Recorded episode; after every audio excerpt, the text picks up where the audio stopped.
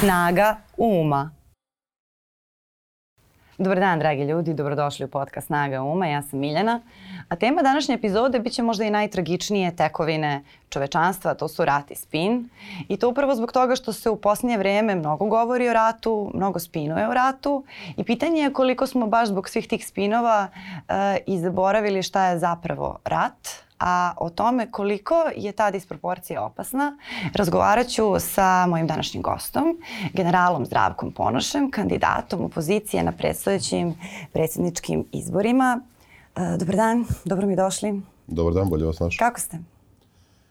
Pa malo umorno, ali dobro, nemam pravo na neki ozbiljni umor, tek je počela kampanja. U stvari još uvijek nije zvanično počela. Kako vam se čini ova tema i kako vam se čini svo to tako olako pričanje o ratu koje se dešava u posljednje vreme?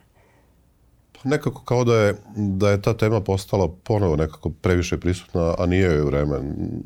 Možda su ova dešavanja ovih par dana u Ukrajini mogu to da je opravdaju, ali to se kod nas, to kod nas nije tema prethodnih nekoliko dana. To je kod nas tema skoro svih deset godina ove vlasti.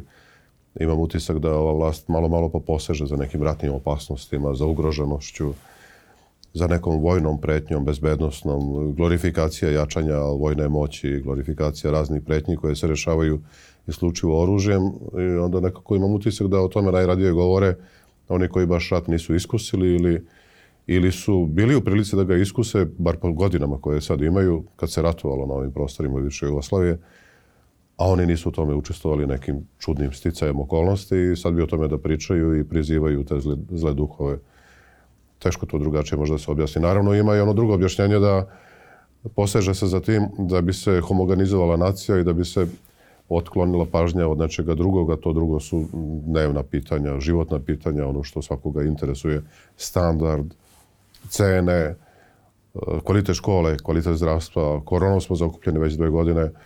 Bojim se da je pričanje o ratu malo odlačenje od, od tih tema gde država nije uradila onoliko koliko je trebalo ili moglo da postoji ta teorija u propagandi da ljudi menjaju vlast onda kada su nezadovoljni ekonomijom, a da ostaju pri postojećoj vlasti, makoliko ona loša bila onda kada im je ugrožena bezbednost, dakle kada je neka velika kriza, bilo da je ona reč o prirodnoj katastrofi ili ratu i da onda upravo zbog toga diktatori često pribegavaju toj pretnji e, i prizivanju nekakvih potencijalno ratnih sukoba kako bi se predstavili kao garancija sigurnosti. Da, Koliko pa... je to opasno kad to traje 10 godina? Nije isto kada neko koketira sa ratom 3 meseca u predizbornoj kampanji i kada to radi malo duže.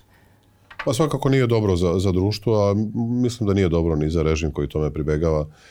Ovaj, I oni koji su bili u realnim ratnim situacijama, neposredno po završetku rata, čak i kad su bili uspešni u tome, Prisjetimo se što nas istorija uči. Čečili izgubio izbore posle drugog svjetskog rata, bio je briljantan lider, vodio je Britaniju u tom ratu. Najbolje što se moglo i bila je na strani sila pobednica, a izgubio je sljedeće izbore. A oni koji koketiraju sa ratom kao načinom da homogenizuju naciju, uglavnom omaše tu. Slažem se da, da ovaj režim u tome uspeva manje više deset godina, ali nije, nije samo na temu rata. Oni su to radili na temu borbe protiv korupcije koja je bila izmišljena, a imaju svoju korupciju u stvari. Oni su je stvorili već deset godina su tu na temu borbe protiv organizovanog kriminala, a oni su i tekako povezani sa tim kriminalom, kao što već nekoliko ljudi od, od pameti i pera je znalo da kaže da je u mnogo čemu ovaj režim samo političko krilo tog organizovanog kriminala. Možda je to prejaka kvalifikacija, ali blizak zagrade svakako postoji.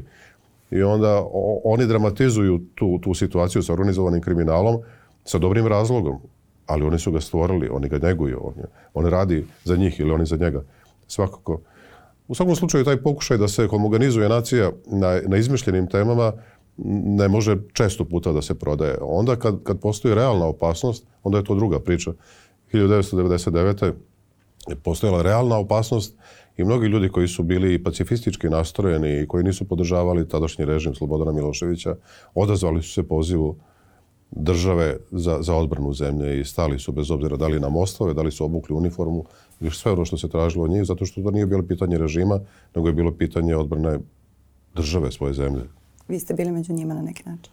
Pa dobro, ali ja sam bio u tome kao, kao čovjek kome je to i profesija, to se svakako podrazumeva od nekoga ko, kome je to profesija, ko je, ko je oficir ili profesionalni vojnik. Ja pre svega ovdje govorim o civilima kojima to nije posao.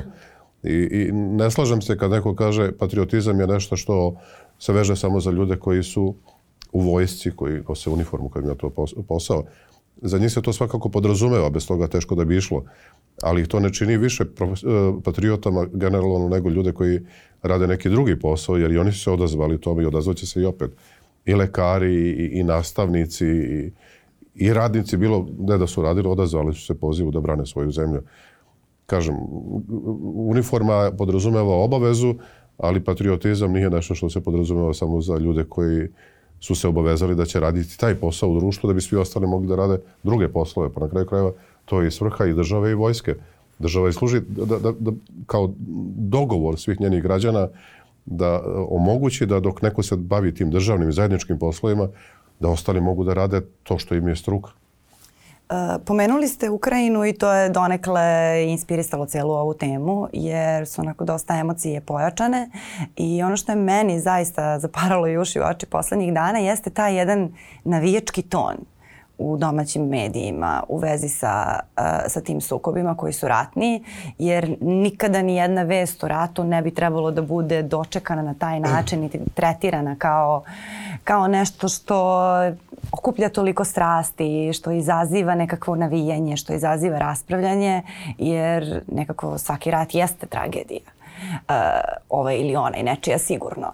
E, sada me zanima taj raskorak, uh, da li je možda, da li smo zaboravili kolika je to tragedija, pa tako olako komentarišemo rat i kada ste vi prvi put zaista shvatili, e tek sad znam šta je rat?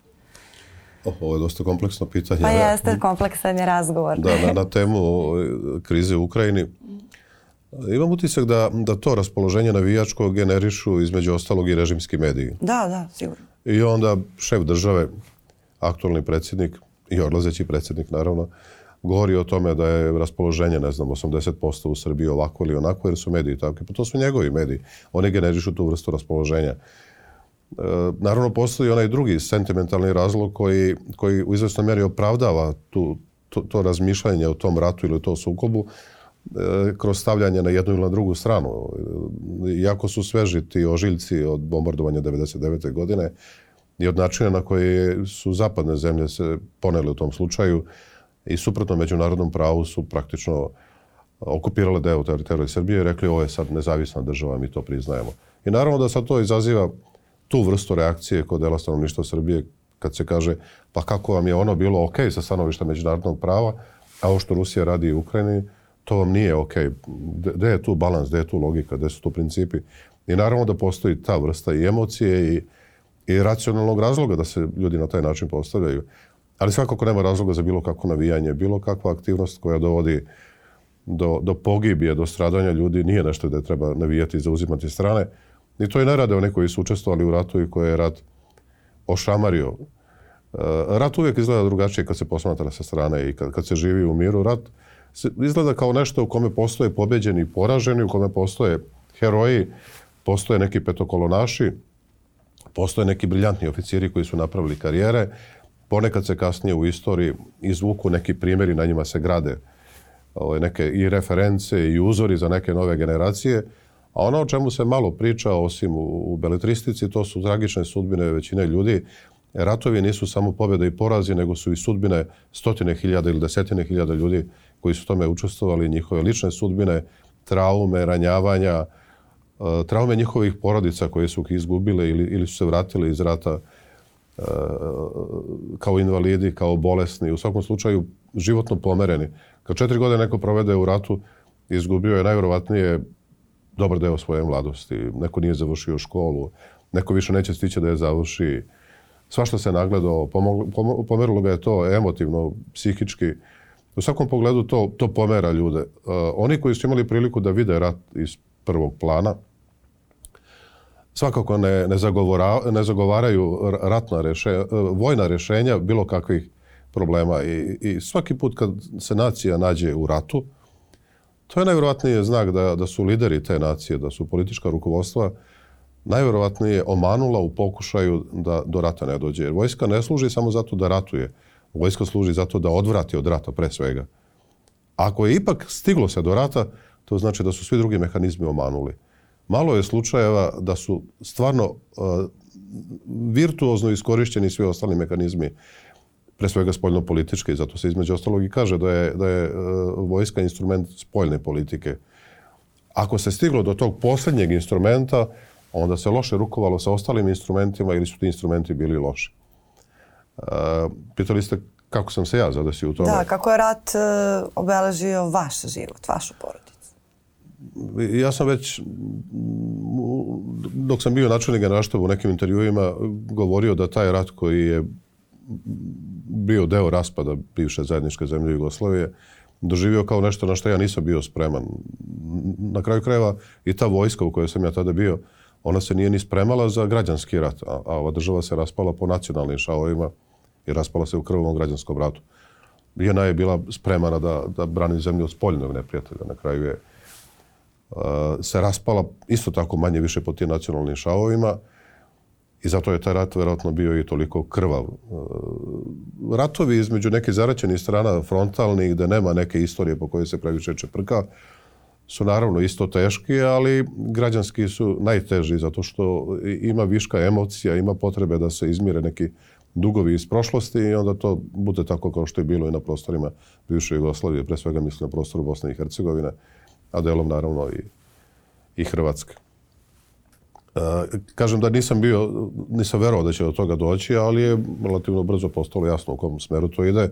Pre svega u onom momentu kad više se nije govorilo imenima poginuli, kad više ni, kad je poginuo onaj čovjek u Svatovima u Sarajevu, njegovo ime je saopšteno. Onog momenta kad su počele da stižu vesti da je poginulo pet ili deset ili petnaest, kad se više nije bilo govorilo o imenima, bilo je očigledno da je rat i da je vrak odnio šalu. I to je vreme kad, su, kad je ta JNA počela da puca po šavovima, kad su, kad su ljudi odlazili svojima. Neki su ostajali tamo gdje ih je rat zatekao, zato što su imali mešovite brakove ili šta god. Mnogi od njih su isto jako loše prošli zato što ih te strane gde su se zadržali, a nije bila njihova to nacionalna nacionalni ambijent, bili su skrajnuti u stranu. Bilo je toga i, i u Srbiji, da se ne lažemo. Mnogi ljudi koji nisu bili Srbi imali su traumatično iskustvo dok nisu prošle te ratne godine i dok se stvar nije smirila. To je rat u kome je moja porodica ostala u Republici Srpskoj krajini u Kninu, to su tih nekoliko traumatičnih godina neimaštine i, i ratnih dešavanja. Traumatično u svakom pogledu, a najtraumatičnije je to što je moja porodica, kao i sve druge porodice iz krajine, su se na kraju našli u izbjegličkoj koloniji i krenuli u negde. Moji su krenuli preko brda, ne računajući da, da kreću za, za Srbiju. to pokazuje to što su neke stvari natovarili na magarce jer nisu bili motorizovani, jer mislili su vjerojatno samo da se sklone. To je neka poplava koja će proći, ali to je bilo nešto sasvim drugo. I onda je to odlazak za pogotovo generaciju koja je bila generacija moje majke.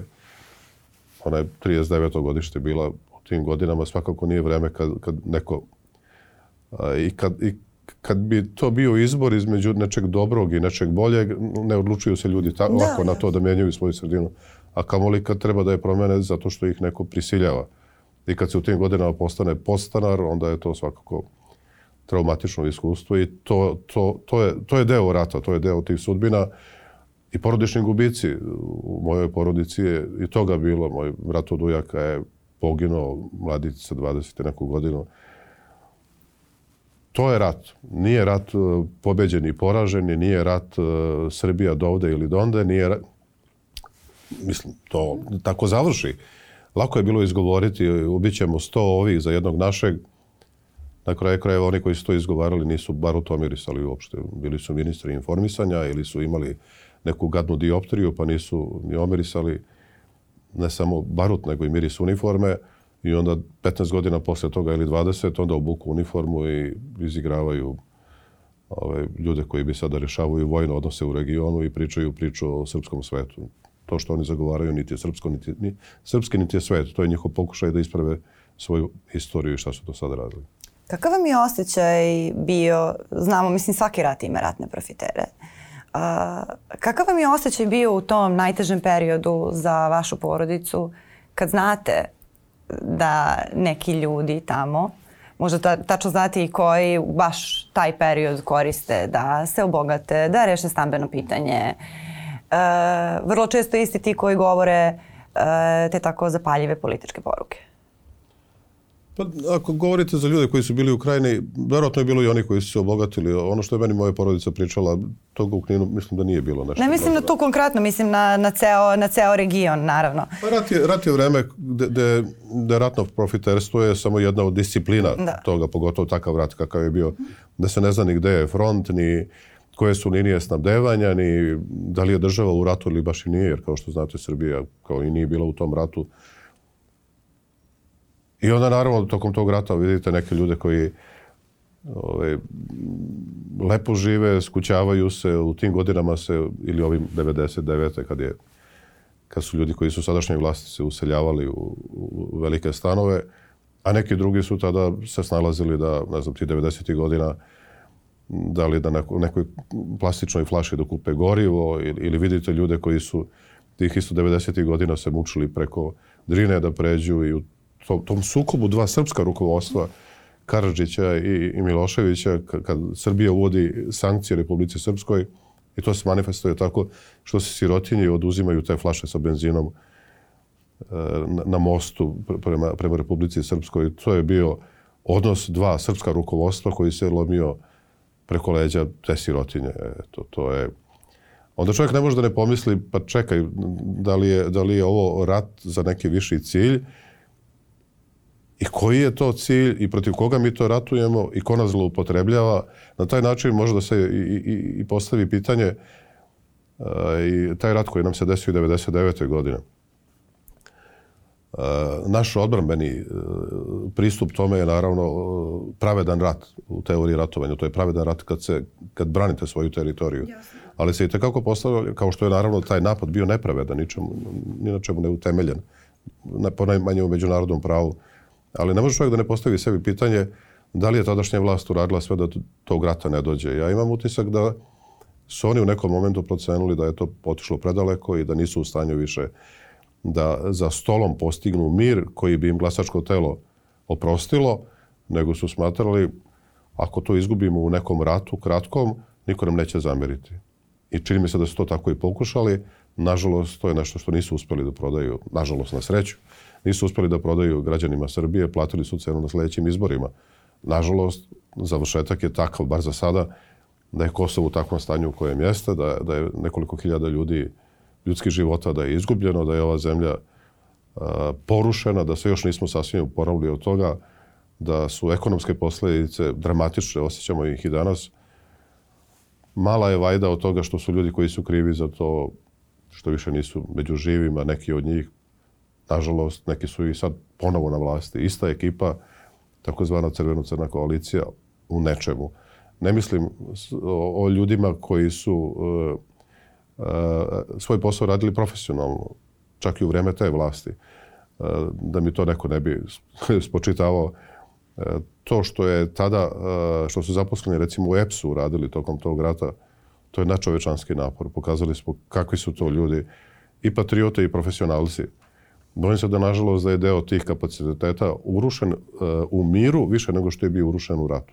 Pa sada kako izgleda, nije, nije to daleko od istine kada pogledamo kako je izgledala prethodna zima. Tako je. Vi sada kada govorite o svim tim stvarima koje su se dogodile vašoj porodici, o svim tim ljudima koji su profitirali dok su neki drugi patili, uh, vi nemate bes u sebi. Jeste li ga imali pa ste ga prevazišli ili je to deo vaše prirode ili je to deo vašeg tog vojničkog obrazovanja? Pa nisam siguran da je ta, ta moja emocija bila bez. Jednostavno nije bilo vremena za to. Kad su moji izbjegli, ja sam smatrao da treba pre svega da provam da im pomognem, da, da, da, da se skuće taj postanarski život koji je njih zadesio kao i većinu ljudi koji su došli odatle i koji u njihovom slučaju potrajao 7 godina a u situaciji kad ja od moje vojničke plate nisam mogao da, da lako pomognem, morali smo da se snalazimo, brat i ja, da taj život bude podnošljiv, onda je fokus bio na to, od besa nema vajde.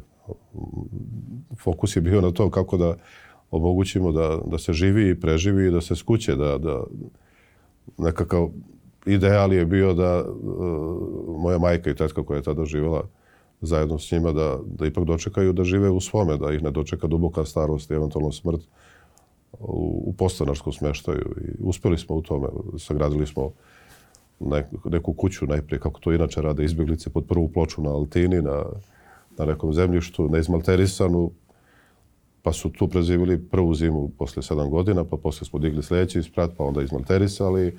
I dalje nije sasvim završena, ali oni su ipak živjeli pristojan život tih zadnjih godina svog života. Da, to, to, su, to su neverovatne sudbine i neverovatan je životni put.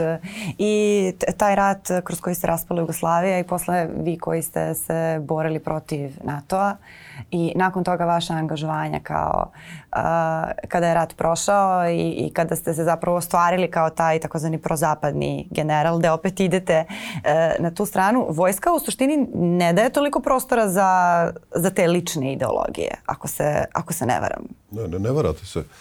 Vojska naravno ne sputava ljude da imaju privatni pogled na mnoge stvari, pa na kraju krajeva Danas, ljudi boga mi, Pa da, sad je malo, malo drugačije. Mislim, bilo je i u tadašnje vreme, u Miloševiće vreme, bilo je pritisaka kako treba da se glasa. Ali ljudi iz vojske imaju pravo glasa, izlaze na izbore i, i glasaju kako oni žele. Tada je naravno bilo pritisak za te izbore 2000. godine kako da se glasa.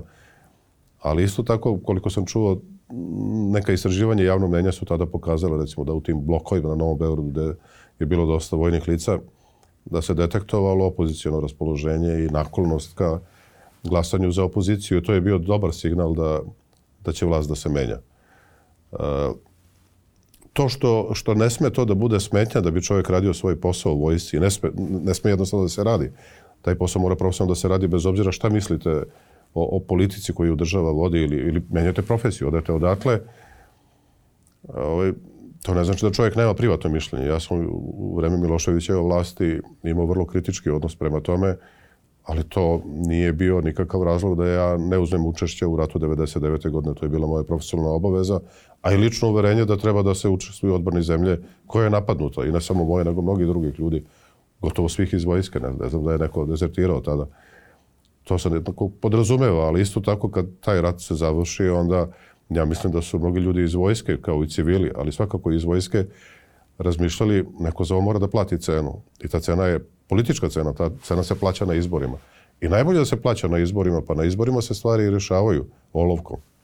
Da, a kakva je atmosfera u vojsci i danas? Pošto se to često provlači kao pitanje kako je moguće da vojnici salutiraju ministrima koji su ispod, da kažem, ispod njihovog nivoa, koji su nekad i tragikomične ličnosti, onako to sve izgleda često kao nekakva loša komedija. A možda i tragedija.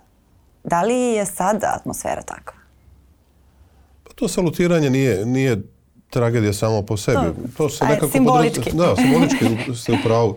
Ali to se podrazumeva da ti počasni strojevi da pozdrave nekog ko je ministar. Vojska ne bira sebi ministra. Da učestvuju u izbori predsjednika kao i svaki građanin. Jedan čovjek, jedan glas. Na kraju se izabere to što se izabere. Ministri dođu tako što ih izaberu njihovi šefovi partija i to je tako. E, loše je to što sad imamo situaciju da, da, da šef države praktično ponižava, e, ponižavajući tog svog ministra koga je poslao tamo, što ne znam, smeni ga da ne bude šef lokalne partijske organizacije, a ostavi ga da bude ministar vojske, on ne samo da ponižava njega, on ponižava celu vojsku. Naravno da se ljudi u uniformi pitaju, pa zar je ovo toliko nevažno da, da on može da bude ministar odbrane, a ne može da bude šef partijske organizacije? to jeste jako loša poruka, naravno. Loša poruka je to kad za deset godina ove vlasti, kad se promeni, ja mislim sad je već sedmi ministar odbrane, to pokazuje da tu, da je to neka vrteška na, na kojoj Vučić ili ko, ko pretpostavljam isključivo on, šalje ih na neko stažiranje, verovatno sa idejom, pa ja sam bio ministar odbrane, ne može niko da bude bolji od mene, jer je to toliko važno na kraju krajeva, sa te pozicije se inače postaje šef države. Jedan je postao, evo sad je i on postao, neki su među vremenom i pokušavali dosta neuspešno i e, ja mislim da sam ja to jednom i, i, i rekao, i to čini mi se čak na sednici Savjeta za nacionalnu bezbednost, da je da vojska teško može da izdrži uzdizanje još jednog političara. Ovaj, vojska jeste zgodan mehanizam zato što i, i, i ta slikanja i vojne parade i pojavljivanje na vežbama i sve to daje nekakav glamur koji političarima prija. Ali svaka ta stvar pre svega košta. Svaka ta vojna vežba koju sadašnja vlast pravi između ostalo kao sajam na uružanja i onda dovode tu vojne trgovce i ili dovedu državni vrh da bi se tu slikali i prekrili neku, neki problem koji postoji u društvu, ne znam, zato što, što se desilo hapšenje, ne znam, Belivukovog klana, a to je u stvari njihov klan ili nešto drugo. I onda se organizuje gađanja na nekom vojnom poligonu da prekrije tu priču. I mi na kraju ne znamo koliko je to koštalo. Inače, vojne vežbe su stvari koje se planiraju dugoročno. Najmanje godišnje. Ređe od toga, to je, to je besmisleno. Vojni budžet je ograničen, nije mali. I ja na neki način mogu i da, da odam priznanje ovoj vlasti što je uložila mnogo više u vojsku nego što je u jednekom periodu se ulagalo za vreme bivše vlasti, mada je to bio i period uh, ekonomske krize 2008-2009 ali je to dosta netransparentno. Kupuje se nešto što, što može da se kupi, a ne samo zato što vojsci treba i onda se izlopotrebljava. Meni kao građanki kad čujem e, da vlast koja na taj način sa simpatijama govori o ratu i kad kažem sa simpatijama mislim kao da je rat nešto što je za ponos, kao da je rat stavka u CV-u, a ne tragedija. E kada čujem da oni nabavljaju to oružje, uopšte nemam taj osjećaj koji imam kada, ne znam, kažu da nabavljaju mamografe za bolnicu. Nemam taj osjećaj kao je dobro, znači naša vojska jača, to je nešto dobro. Imam neki osjećaj zabrinutosti. Je li to realan osjećaj? To je zbog toga, e, zbog načina na koji oni govore o tome. E, to je sad kao sasvim... vidiš što imam helikopter, sad ću ustaći. U redu je da se vojska oprema. Na kraju krajeva naša vojska je dosta oštećena tim ratovima 90. godina i na kraju 99. I u kadrovskom smislu su se desile razočarenja i neke beneficije koje je vojna profesija imala i treba da ih ima jer je specifična, njih više nema. Zamislite neko završi neku vojnu školu i odlazi na drugi kraj zemlje gde treba da počne život, ne znam, rodio se u Suboticu, ode ne znam, u Vranje i sad tu treba da počne život, odjednom nikoga ne poznaje, sa tom platom koja nije sjajna, da se srodi s tom okolinom, se oženi, da mu deca tu krenu u školu. I, ovaj, mnogo toga je moralo da se uradi, između ostalog da se kupuje i nova oprema na kraju krajeva i da ništa nije urušeno, tehnološki se stvari menjuju. Vojska mora da, da zanavlja opremu na oružanje. To je sasvim legitimno, ali to se ne radi tako što se viče, evo mi smo najjači u regionu. Pa naravno da smo najjači. Pa Srbija treba da bude najveća sila, ne zato što ima ovu vlast, nego zato što po svemu jesmo. To treba da budemo. Na kraju krajeva i ta vojna moć je rezultat dve komponente. To je rezultat i, e, demografskog potencijala i ekonomskog potencijala. Srbija ima više u odnosu na ostale zemlje bivše Jugoslavije. Pre svega govorimo o tome i ne samo u ostalom jedino Rumunija ima te dve komponente koje su već. I kad imate to, onda samo neko ko je jako talentovan za, za, za upropašćavanje stvari nije od toga u stanju da napravi najveću vojnu moć. To se podrazumeva, to čim se oni hvale, to je potpuno besmisleno. To hvaljenje izaziva nervozu. I ta priča, evo, bit će rata. I kao vidite, ministra odbrane koji treba da bude obučen u civilno delo, pogotovo ako iza sebe nema, nema vojnu karijeru. A kad se šeta u nekoj uniformi kao da je ođačar, onda to izaziva... onda to izaziva nervozu i da. nepotrebnu. I ova priča, evo, mi nabavljamo ovo i sad jači smo nego i ona, kako kaže ovaj, odlazeći predsjednik. To služi sad za homogenizaciju nacije. Znači, mi, mi imamo vlast koja je svih ovih deset godina praktično urušila to neku element državnog jedinstva. Ja, ja ne kažem da u društvu, naravno, ne treba svi isto da mislimo, da imamo iste stavove, identične, ali treba da postoji nešto što je državno jedinstvo oko važnih stvari. Osjećaj pripadnosti naciji, državi, narodu, kako hoćete. U svakom slučaju. Neki osjećaj sigurnosti. Pa da, država, država treba da bude ipak taj nekakav krov pod kojim se njeni građani dobro osjećaju. Srba, Srbija je multikonfesionalna i multietnička država i svi njeni građani treba da se dobro osjećaju pod tim krovom. A imali smo svih ovih deset godina takvu tendenciju da vlast SNS stvari deli, odnosno narod deli na svoje i na ostale. I sad oni to više ne mogu ni da poprave. Vučić je u nekom momentu shvatio da to nije dobro, pogotovo sad pred izbore, jer je vidio da neko, ljudi iz opozicije, uključujući i mene, podsjećaju da je to obaveza šefa države, tako piše u Ustavu. Prvi član koji govori o obavezama predsjednika 111 kaže da predsjednik države izražava državno jedinstvo Republike Srbije. On to ni, nijednim svojim gestom do sad nije izražavao. I sad je odlučio da generišujući tu dramu kao evo, rat samo što nije, ugrožavaju nas, ne znam, lovačka društva odavde, odande, i ugrožava nas rat u, u Donbasu koji je 2000 km odavde, pokušava da spakuje stvari tako, sad ću na, na toj priči ugroženosti i, i da izgradim jedinstvo, da dobijem sledeće izbore. To je dosta providno. I zato je naručio između ostalog da mu stigne neka oprema koji je pazario u Kini, koja treba da stigne u toku izborne kampanje. Jasno na čemu to služi. Bolje bi bilo da su stigli mamografi. Pa bilo bi sigurno bolje, mislim sada... Ali o tome Možda se bi čak radi, bilo je, to bolje je za tu providno. kampanju, ali dobro, to je sada druga Ja ne tema. kažem da je, da je, da je loše što, je, što su kupljeni e, dronovi. Mhm. E, na kraju krajeva to je ipak e, borbeno sredstvo na daljinu bez e, ljudske posade i treba i to je tehnološki iskorak i sve je to u redu. Ali bih voleo da vidim da li je nabavka prošla sve one procedure koje su u Ministarstvu odbrane i u vojsci jako dobro definisane, pogotovo kod tako skupi stvari. Pa to ne treba da bude tajna za građane zemlje, to je, to je plaćeno našim parama. Nije to otišao on kupio od toga što mu je tata ostavio pare, ni toga što je on zara- zaradio, pa, pa mu ostalo malo ušteđevine. To su sve naše pare, građani treba da znaju koliko to košta, da li smo tražili od nekog, još nekoga drugog, da li su bili neki tenderi. Ovdje je sve to tajna. Oni su napravili i to da je tajna koliko imamo vojnika. Obaveze u OEPS-u, članica OEPS-a, Srbija je članica OEPS-a, da, pri, da to prijavljuje, to, to nije tajna i ne treba da bude tajna. To je, to je mera jačanja poverenja, to je uspostavljeno pre 50 godina u Evropi. Da, to su, to su one priče od, od dede, kao kad vas pitaju koliko vas je, mi ćemo reći dovoljno, ali to je bukvalno kao priča dede za unuka, to nije međunarodna neka ozbiljna priča. Meni to je tako delovalo e, kada, kada, je, kada je objavljeno. Pa, kažem, to, e, mnoge stvari se koriste u predizborne svrhe. I vakcinacije, i nabavka oružja, i drama, sed, hitne sednice Savjeta za nacionalnu bezbednost koji se sazivaju danas za preko sutra, ali na uveče ili pa onda kad shvati da je to ispalo loše, onda ipak održi ujutru. Ali ne saopšti narodu šta su se oni to dogovarali. Jer ako su pozvali novinare da slikaju kako ulaze neki uniformisani ljudi u zgradu predsjedništva, onda je normalno da posle toga da kažeš a šta ste se to dogovorili kad si već izdramatizavao toliko? Ne, nego ode čovjek u Monako pa odakle daje izjavu, ja to zovem drama iz Monaka.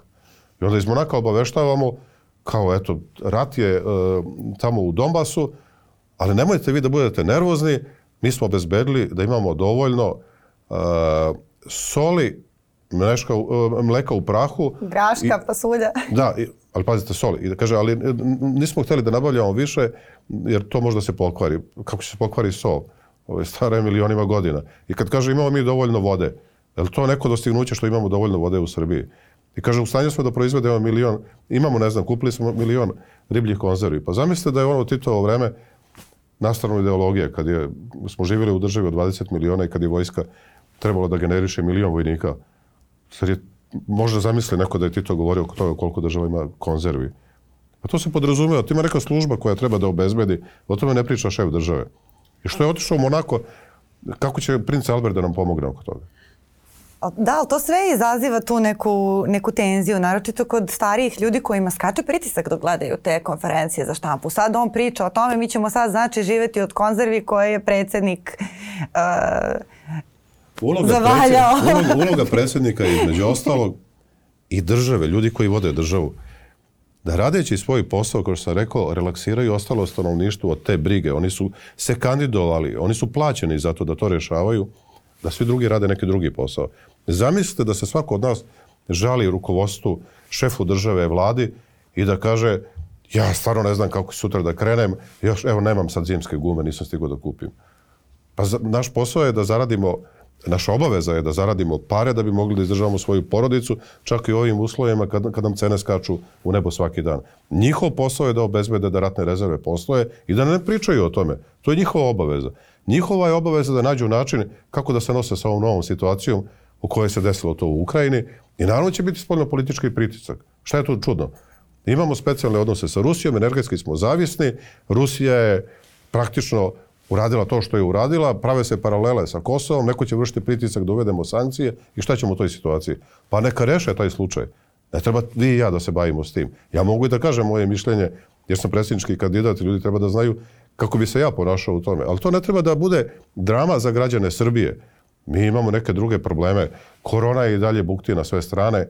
Ljudi imaju svoje probleme, cene skaču u nebo, kao što rekao. Krenula je škola pre dva, tri dana posle ovog kratkog raspusta. Ide proleće, deci noge rastu, treba kupiti nove patike. Zašto ljudi treba da razmišljaju o tome? Pa zar neko misli da, da su u Donbasu toliko bili opterećeni ratovima ovde? Oni su imali neke svoje živote. I za neko misli da je u, u ostatku Evrope tolika drama o tome. Naravno, jeste drama, tamo će neki ljudi da ginu i ginu. I, i nije to stvar ni za navijanje, ni za ratovanje. Ali neka na, odgovor Srbije na tu temu daje državno rukovodstvo, Ministarstvo spoljnih poslova, predsjednik države, nek puste ostale da rade svoj posao.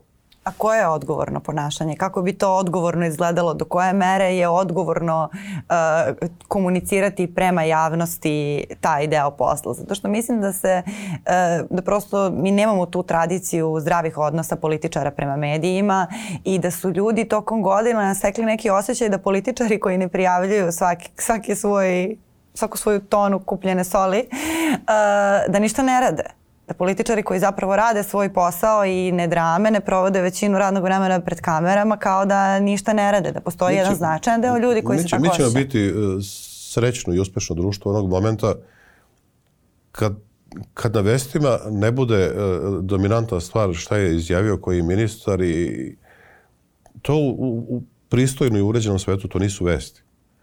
Zašto bi bila vest što je neki Toma Mona, ne znam, negde što mu se zaglavilo auto. Što, zašto je to veza, narod? Pa, stvari su potpuno naopako izvedene. Ali to je napravljeno zato da bi mi kao e, saučestvovali s njihovom mukom. Predsjednik države kaže da je, ne znam, spavao na podu u Briselu. Šta je koga briga da je on spavao? Šta si ispregovarao i šta si uradio od toga? Loše si ispregovarao. Ispregovarao si tako da si sve dao, ništa nisi dobio. I sad se žališ na to što su te zavrnuli.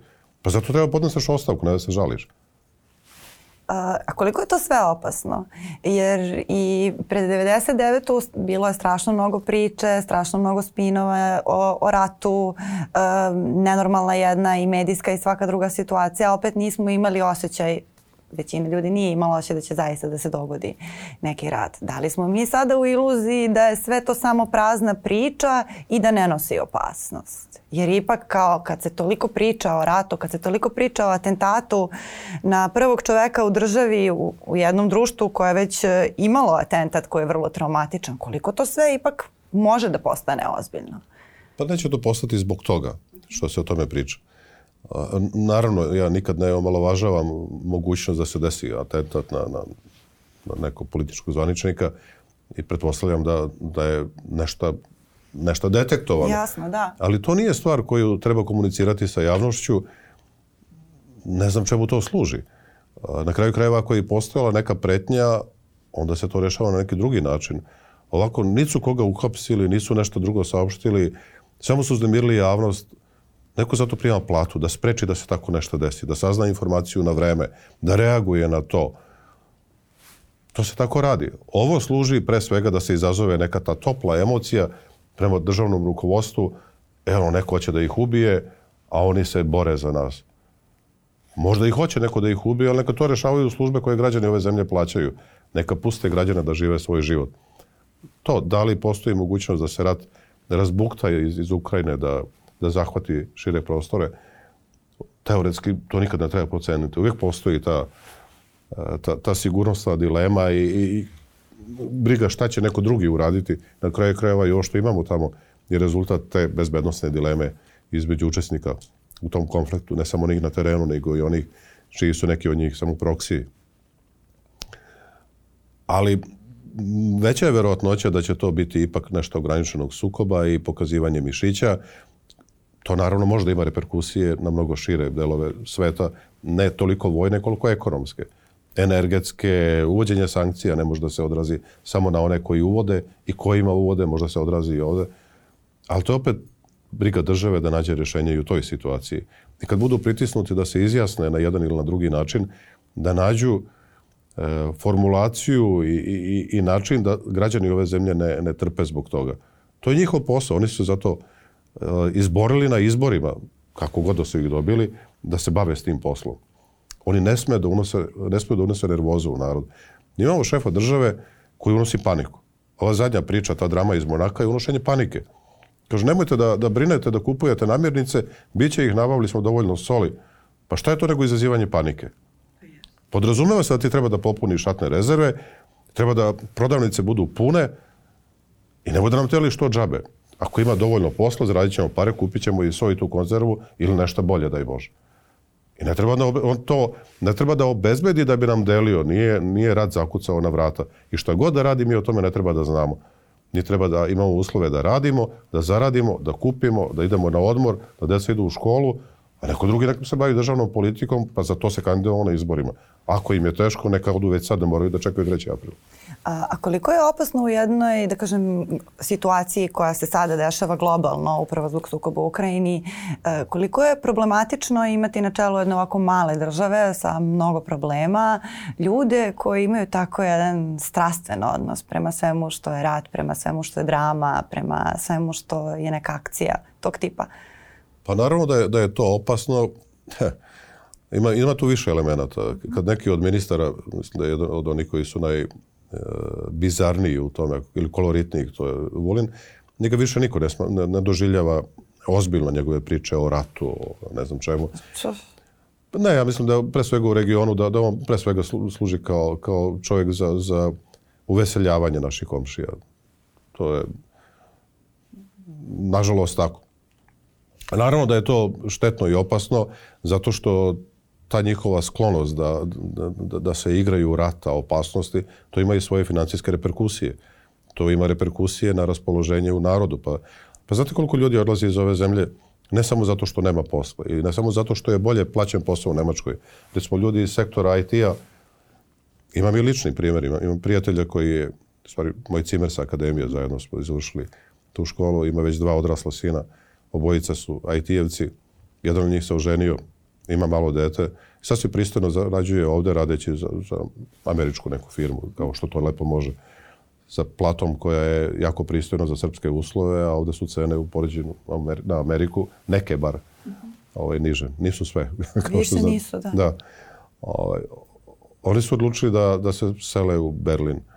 I onda je pitanje bilo, pa zašto? Pa možete lepo da živite ovde. I onda je on rekao, ne mogu više da gledam, ne mogu slušam ove vesti. Hoću da, da imam normalan ambijent, hoću da živim normalan život. I mnogo ljudi zbog toga odlazi. Nije više uh, samo to da li negde može da se zaradi više ili manje. Ali je problem u tome što je glasačko telo, ono na, na što ovaj režim uh, gađa, to su pre svega ljudi kojima su oni obezbedili te, te poslove i plate od 250 eura ili, ili tako nešto. Ja mislim da su se i tu malo preračunali. Uh, Predugo ovo traje da bi ljudi bili zadovoljni s tim, samo da imaju neki posao. Nije dovoljno imati neki posao, treba imati pristojan život. To da se nađe bilo kakav posao nakon godina ako ga nije bilo, ok. Ali ne možete držati ljude godinama na privremeno povremenim poslovima i kao biće, samo što nije. Važno je da si ti šan biblioteke, odnosno SNS-a, a onda ti ljudi vide da oni ili njihova deca i dalje nemaju pristojno plaćen posao. Neki su završili i neke dobre škole, ali ne mogu da nađu posao, a neko drugi u istoj toj stranci je, je uznapredao i stigao do toga da je pomoćnik ministra. I onda i oni se zapitaju posle svih tih godina šta se dešava. Između ostalog, reakcije ovog režima i na neke od mojih nastupa su vrlo nervozne, zato što ja govorim tim jezikom koji i njihovi birači razumiju. Ja sam čovjek iz naroda, moje socijalno poreklo je iz radničke porodice. Ja razumem te brige. Imam i dalje prijatelje s kojima sam odrastao, koji koji se muče na obodima Beograda i nisu to ljudi baš koji tek tako idu da glasaju za njih. Neki su uplašeni, neki su prevareni, a mnogi su već razočarani. I kako privodimo ovu kafu kraju, uh, htela sam da vas pitam, jel vi vidite, uh, da kažem, ovo društvo u jednom kontekstu bez drame ponovo, nakon uh, toliko medijskog ispiranja mozga i svih tih uh, intelektualnih, moralnih i ostalih toksina kojima smo zaista bombardovani, jer je ovo za mentalno stranje, stanje jedna vrlo problematična situacija u kojoj se mnogo dugo nalazimo. Čak su i neki psiholozi rekli da je broj broj depresivnih poremećaja udvostručen u poslednjih deset godina, da na to sve utiču i mediji i sve ove pretnje o kojima smo govorili. Da li vi vidite tu neku to je, stabilizaciju? To, to, to je toliko lako. To, to može da se promeni ako, ako uradimo pravu stvar na tim izborima u aprilu, pa za mjesec dana ljudi će vide, vidjeti razliku. Sad pogledajte kako izgledaju trafike, pogledajte naslovne stranice tih novina, ove koji imaju normalne naslove, a to je jedan, dnev, jedan dnevne i, i tri nedeljnika ili četiri, ne znam koliko ih ima, oni su gurnuti pozadi. Ovo ostalo što vidite, to je kao da, da, da gledate neki kataklizmični film, to nije normalno. To kad se promeni, za, za mesec dana sve se menja. Vidjet ćete vedrija lica na ulici. To ne znači da ćemo mi da ozdravimo ovo društvo za mesec dana. Ne može zdravstveni sistem i obrazovni da se podigne tako lako i brzo. Ne može ni bezbednostni aparat, pogotovo policija da se očisti od, od, od kriminalnog rukovodstva. Ovaj, po dubini imate većinu, naravno, vrlo profesionalnih kvalitetnih policajaca, ali šta je u vrhu, to mora da se čisti, to je neki proces. Ne možete pravosuđe tek tako da rešite, tužilaštvo, državnu upravu. Institucije su urušene, ali toliko toga može. Možda se promeni govor u javnoj sferi, mediji mogu brzo da se promene, politički nastupi vrlo brzo mogu da postanu drugačiji. Mi sad imamo takvu situaciju da su oni e, izgradili atmosferu da su, da su vlast i opozicija jednim drugima neprijatelji na krvi nož. Zato je toliko bilo dramatično, izazvalo toliko pažnju moje rukovanje sa aktivistom SNS na njihovom štandu. Nešto što bi trebalo da bude potpuno normalno. Oni su izgradili atmosferu da je to izazvalo čuđenje. Pa A dobro, taj jedan gest može da pomeri stvari. Zbunjuju u poslednje vreme dosta sve što je normalno izaziva čuđe, čuđene Ali češće. ja mislim da nam ne treba mnogo vremena da, no, da normalno stvarno bude i doživljeno kao normalno. Samo da krenemo da, da se ponašamo kao pristojan i civilizovan svet. To nije naše okruženje ni po čemu bolje od nas. Oni samo imaju za nijansu ili bolja rukovodstva, ali ja bih pre svega rekao da imaju normalnije medije. Ono što je ovde jedan od najdramatičnijih problema je što je naša medijska sfera totalno urušena. Što naši I oni koji imaju nacionalno pokrivanje i koji su i nacionalni servisi, što to ne pokazuje ono što treba da pokazuje, a to treba da bude upravo to što im, što im kaže ime, nacionalni servisi. Oni u mnogo čemu nisu nacionalni servisi, oni su servisi vlasti. Hvala vam mnogo. Mislim, nadam se da vam je bio prijetan ovaj razgovor. Hvala vama. Ste prvi put bili u nekom podcastu ovako malo neko, na formalnijem ili ste gostovali već, nisam videla. Ne znam kako se to sve, šta se sve smatra po tim, nego da sam gostovao. u televiziji Srpske dijaspore koja se da. emituje na nekim kablovima na internetu, možda, možda to može da se... Dobro, podcast, podcast je zaseban format, ali svakako hvala vam mnogo na, na vremenu i na, na ovom razgovoru. Nadam se da se, da se vidimo ponovo i neka se srećam u kampanji. Hvala. A hvala i vama na vremenoj pažnji. Sa mnom je danas razgovarao e, general Zdravko Ponoš. Čuli ste ga. Nemojte da nasadate uvek na, na prvu loptu i tamo gde je drama, naročito ako se kombinuje sa politikom i sa ratom, to nikad nije dobra vest. Mi smo tu i sledećeg poneljka na Nova RS, podcast platformama i e, Nova S YouTube kanalu od srede. Prijetno. Thank you.